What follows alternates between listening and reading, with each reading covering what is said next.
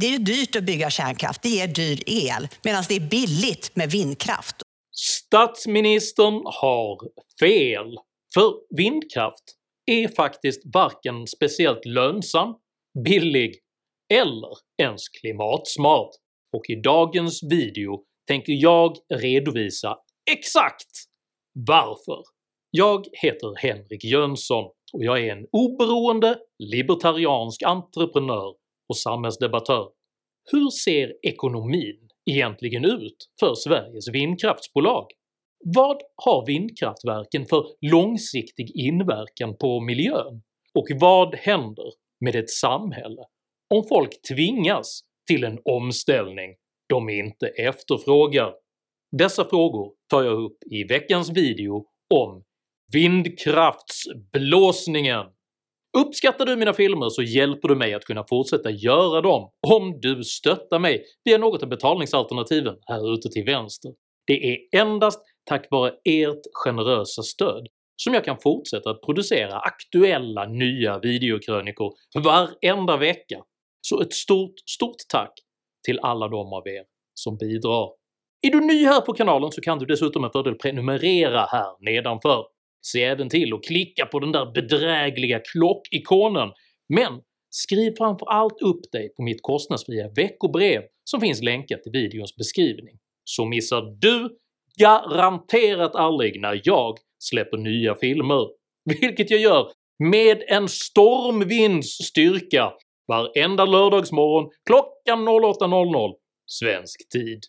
Idag pratar jag om vilseledning, vanföreställningar och vindkraft. Häng med!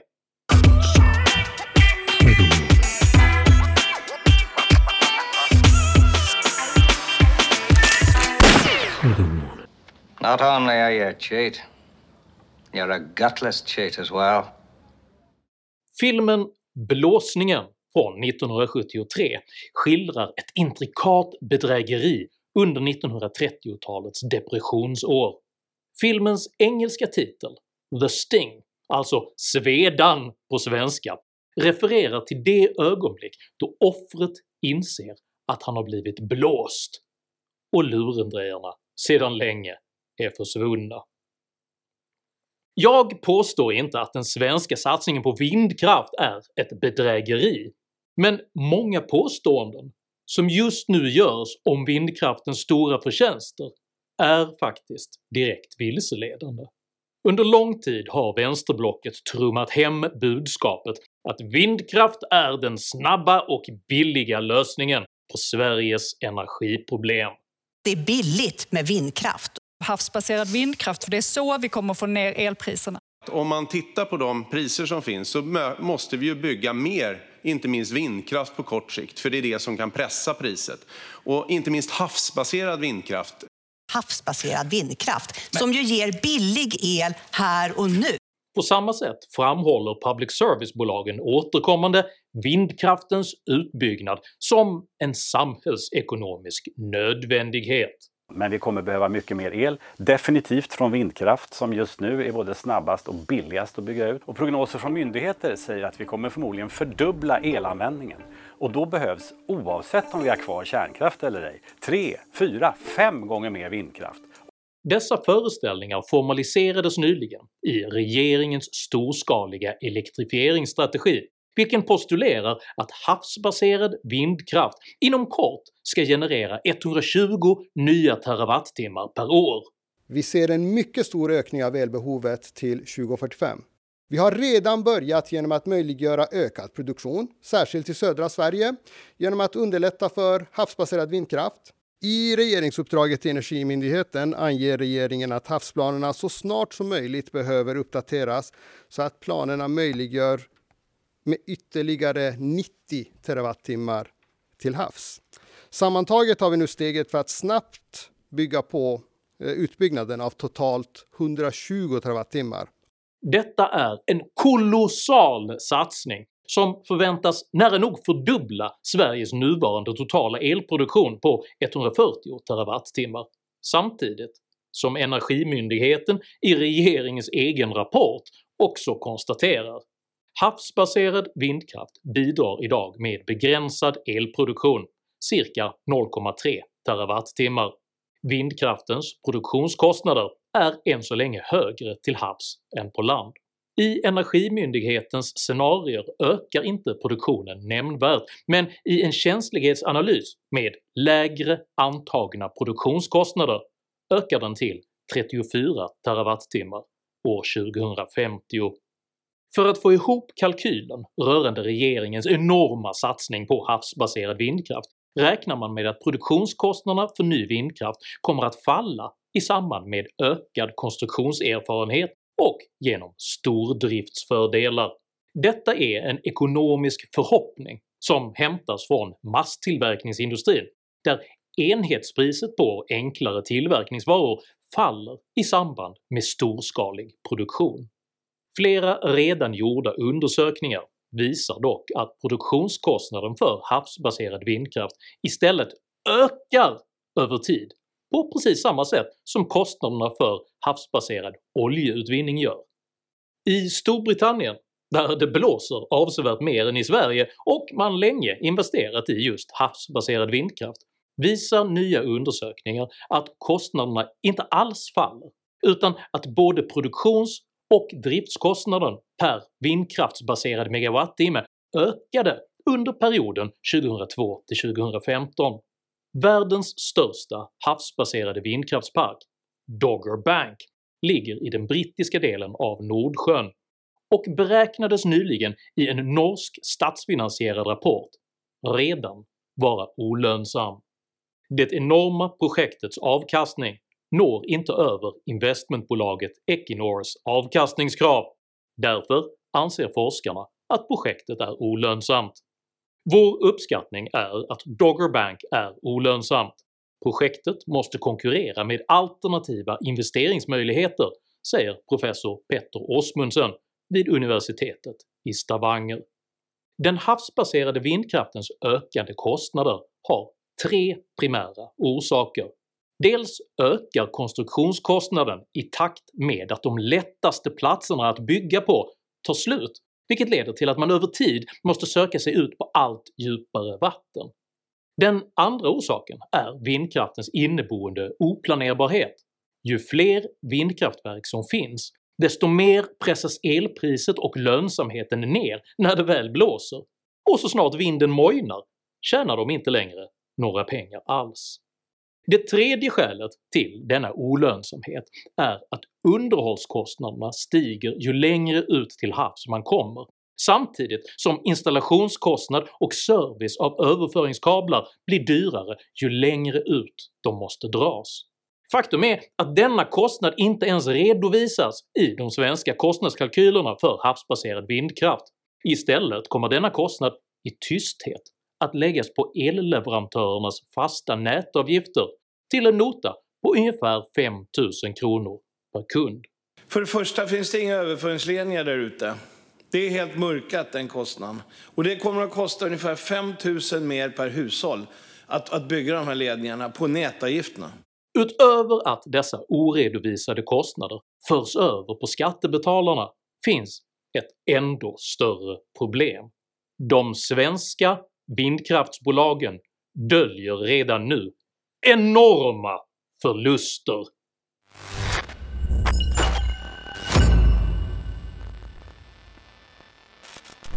Dålig lönsamhet för vindkraftverk ledde till storskaliga avvecklingar redan i mitten på 2010-talet. Erik Josefsson och hans kollegor håller på att montera ner ett vindkraftverk på Visingsö. Det handlar om ett drygt 20 år gammalt 225-kilowattsverk som har ägts av det kommunala bolaget Jönköping Energi. Men det låga elpriset gör att det inte är lönsamt för bolaget att fortsätta underhålla det här vindkraftverket. Så nu har det sålts till Italien. Totalt sett fortsätter ändå vindkraftproduktionen att öka i Sverige.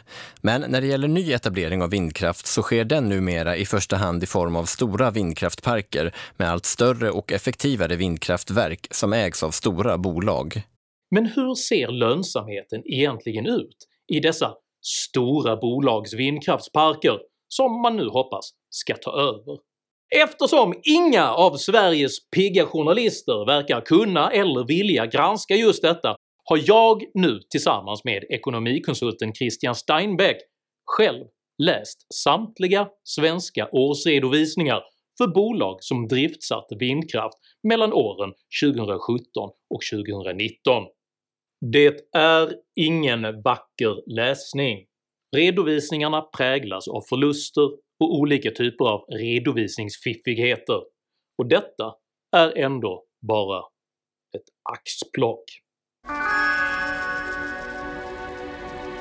Det kommunalt ägda bolaget Skellefteåkraft redovisade för 2020 en förlust på 412 miljoner kronor och angav bland annat ökad konkurrens, mycket vind och begränsade överföringsmöjligheter som en anledning till detta.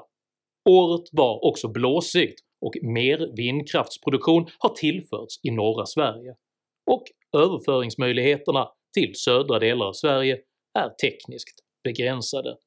Rörelseresultatet för året blev minus 412 miljoner kronor, vilket är betydligt lägre än föregående år och innehåller nedskrivningar av vindkraftsanläggningar. Den löpande verksamheten har i alla produktionsslag levererat ett sämre resultat än föregående år till följd av sämre priser. Totalt sett innebär detta att det kommunalt ägda bolaget skriver ner 567 miljoner kronor i form av anläggningstillgångar.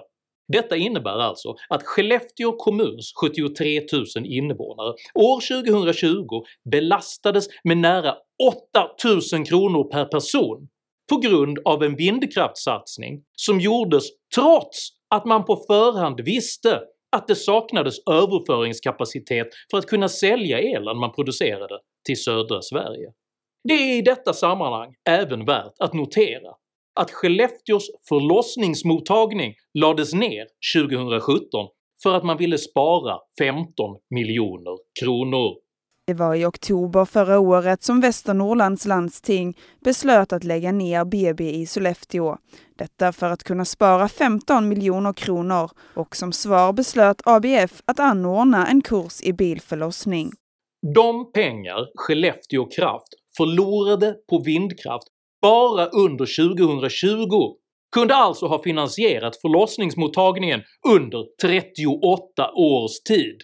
Om vi nu ska diskutera prioriteringar. Ekot kan idag berätta att ett kinesiskt statligt ägt kärnkraftsbolag står bakom nära en femtedel av de mångmiljardinvesteringar som görs i svensk vindkraft.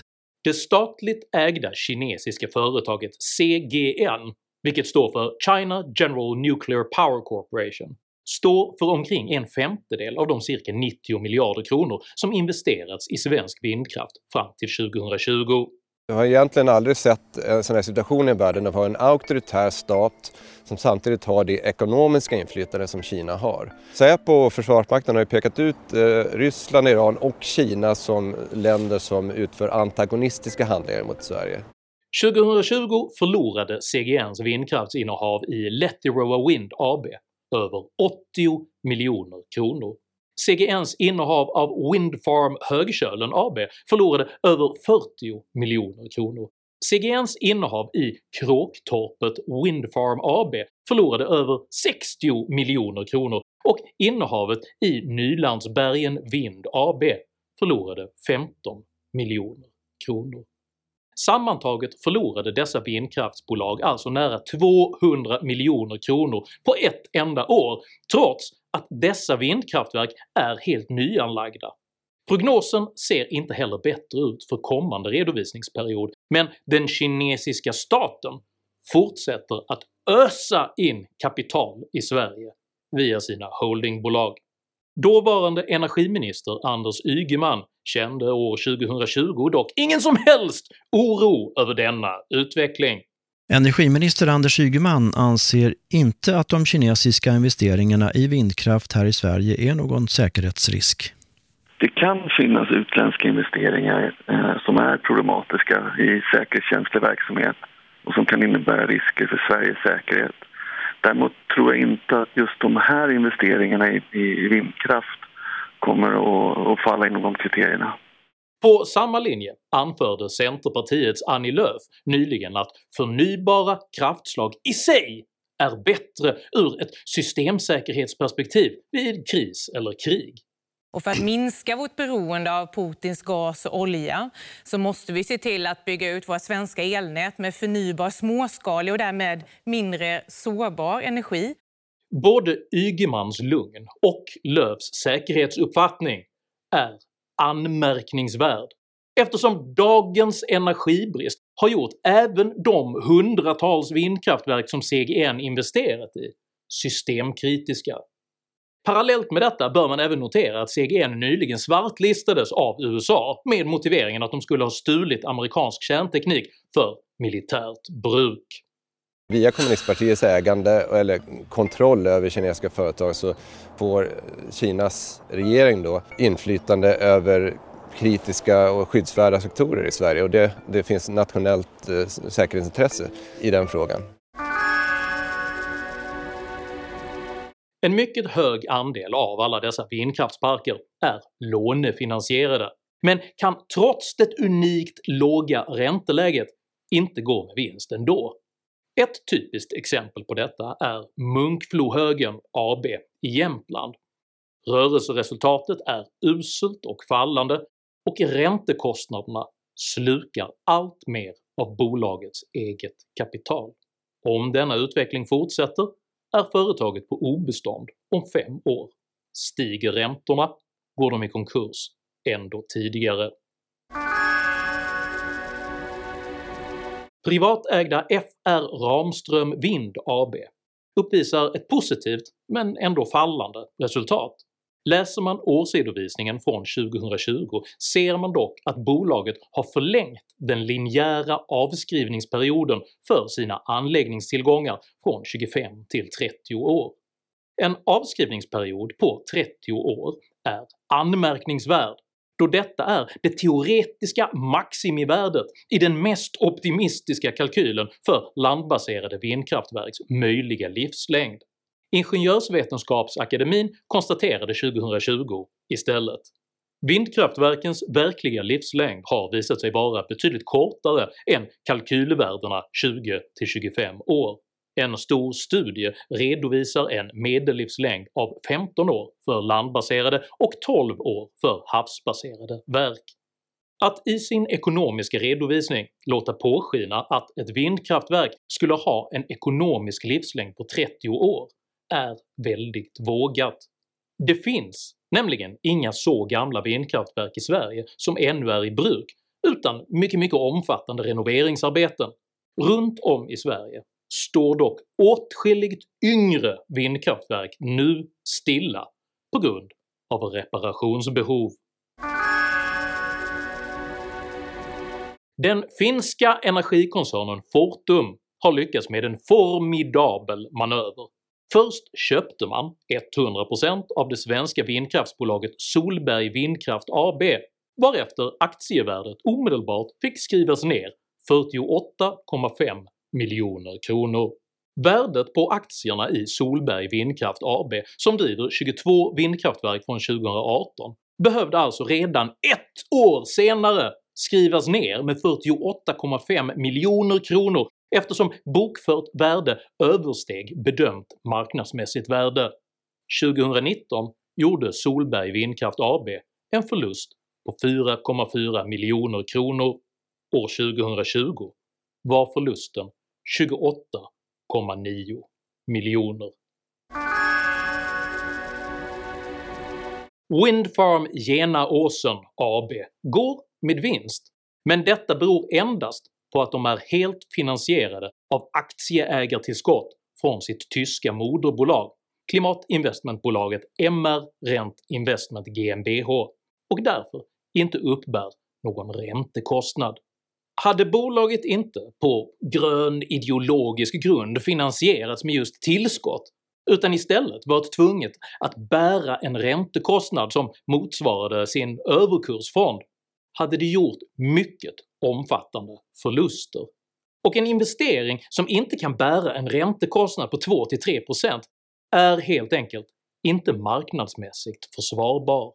Genaåsen är dessutom det enda av bolagen som gör löpande avsättningar för framtida nedmonteringskostnader.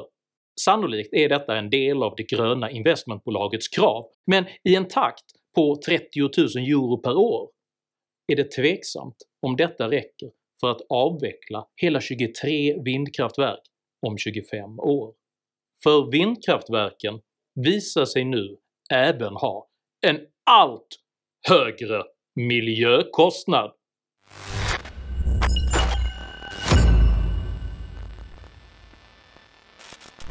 Redan 2020 formulerade forskare i Kungliga Ingenjörsvetenskapsakademin följande kritik mot regeringens energipolitik. Det saknas behovsanalys beträffande effekt och energi med fördelning i tid och rum. Det saknas även funktionskrav avseende stabilitet, elkvalitet, leveranssäkerhet etc. samt specificerade miljökrav och jämförelser av alternativa systemlösningar och systemkostnader. Omställningen motiveras med luddiga formuleringar som att sol och vind ger el som är miljövänlig, hållbar, förnybar, utsläppsfri och fossilfri. Begreppen är odefinierade och säger ingenting om miljöegenskaperna för sol och vind. Livscykelanalyser över miljö och ekonomi visar tvärtom att i förhållande till kärnkraft ger vindkraft ökande koldioxidutsläpp, kraftigt ökad användning av icke-förnybara resurser, negativa lokala miljökonsekvenser samt avsevärt ökande totala elkostnader. Ett konkret exempel på dessa negativa lokala miljökonsekvenser framkom när klimattidskriften Bloomberg Green slog larm om att vindturbinernas uttjänta rotorblad inte kan återvinnas utan begravs i schaktmassor i marken.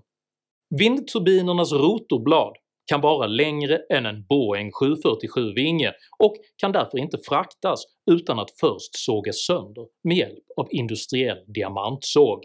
Eftersom bladen tillverkas med en speciell fiberglaslegering för att kunna stå emot orkanvindar kan de inte krossas, återvinnas eller återanvändas, utan de kommer att ligga i marken för alltid.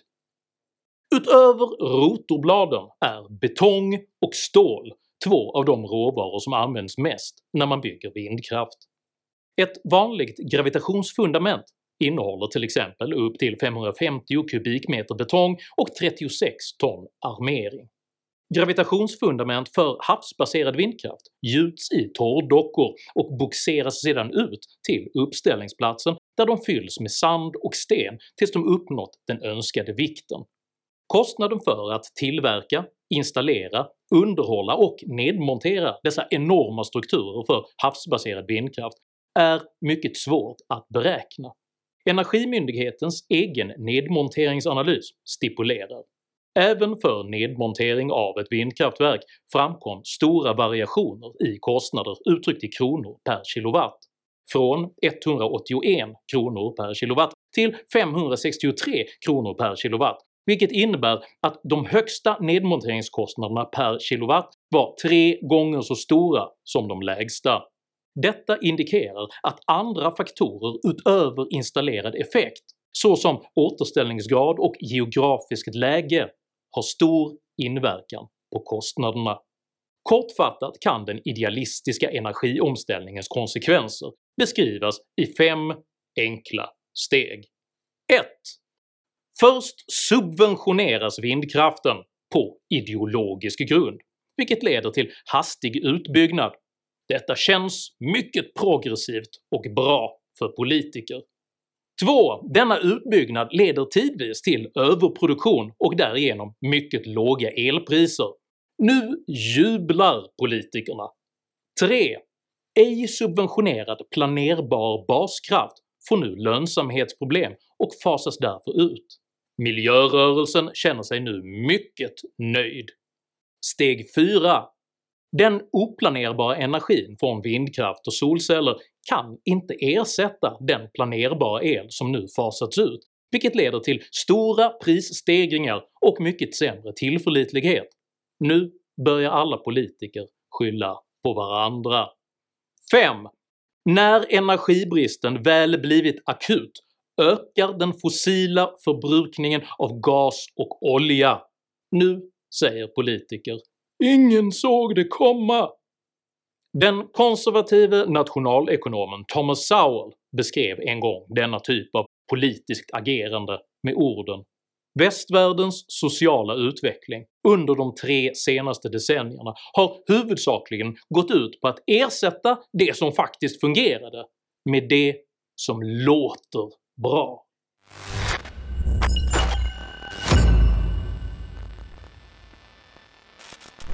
Utöver den storskaliga vindkraftssatsningens mycket allvarliga problem kvarstår även det demokratiska faktum att nästan ingen vill ha vindkraftverken. Får de bygga vindkraft nära där du bor?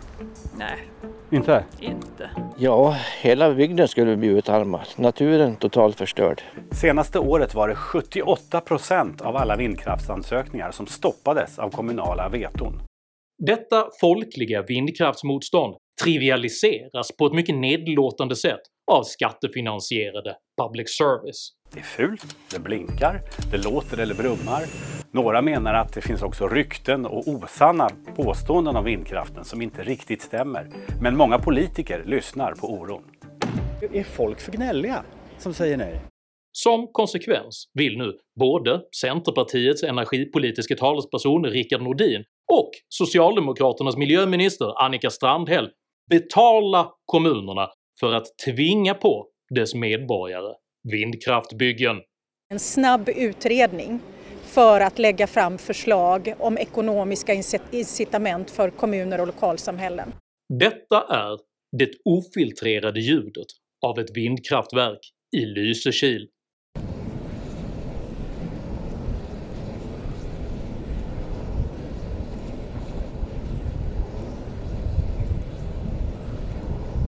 Att ta folkets egna skattepengar och ge dem tillbaka till kommuner i form av en muta för att påtvinga folket en energikälla som de inte efterfrågar är fullständigt oacceptabelt när det samtidigt riskerar att halvera fastighetsvärdet för de människor som råkar bo där man nu vill bygga vindkraft.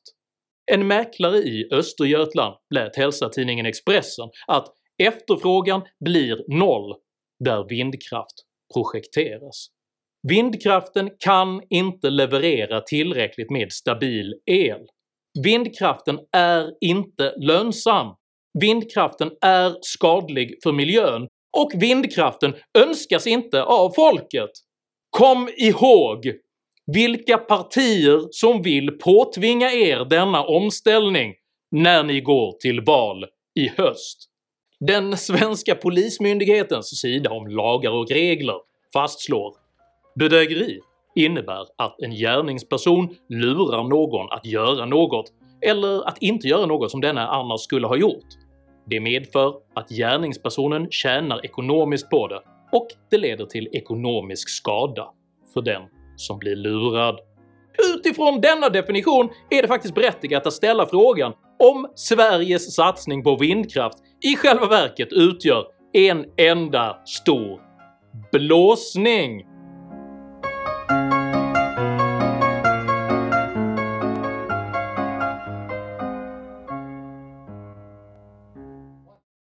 Tycker du det är viktigare att energipolitiken fungerar än att den låter bra?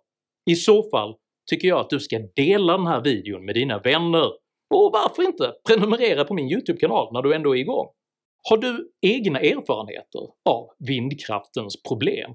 Dela i så fall gärna med dig av dina upplevelser i kommentarsfältet här nedanför. Jag uppskattar all respektfull kommunikation. Men kom ihåg, var alltid artig, även mot dina meningsmotståndare. Jag accepterar inte personangrepp, aggression eller rasism i mina idédrivna kommentarsfält. Tack för att du som kommenterar respekterar detta. Jag heter Henrik Jönsson och jag anser att funktion är viktigare än idealism. Tack för mig och tack för att ni har lyssnat.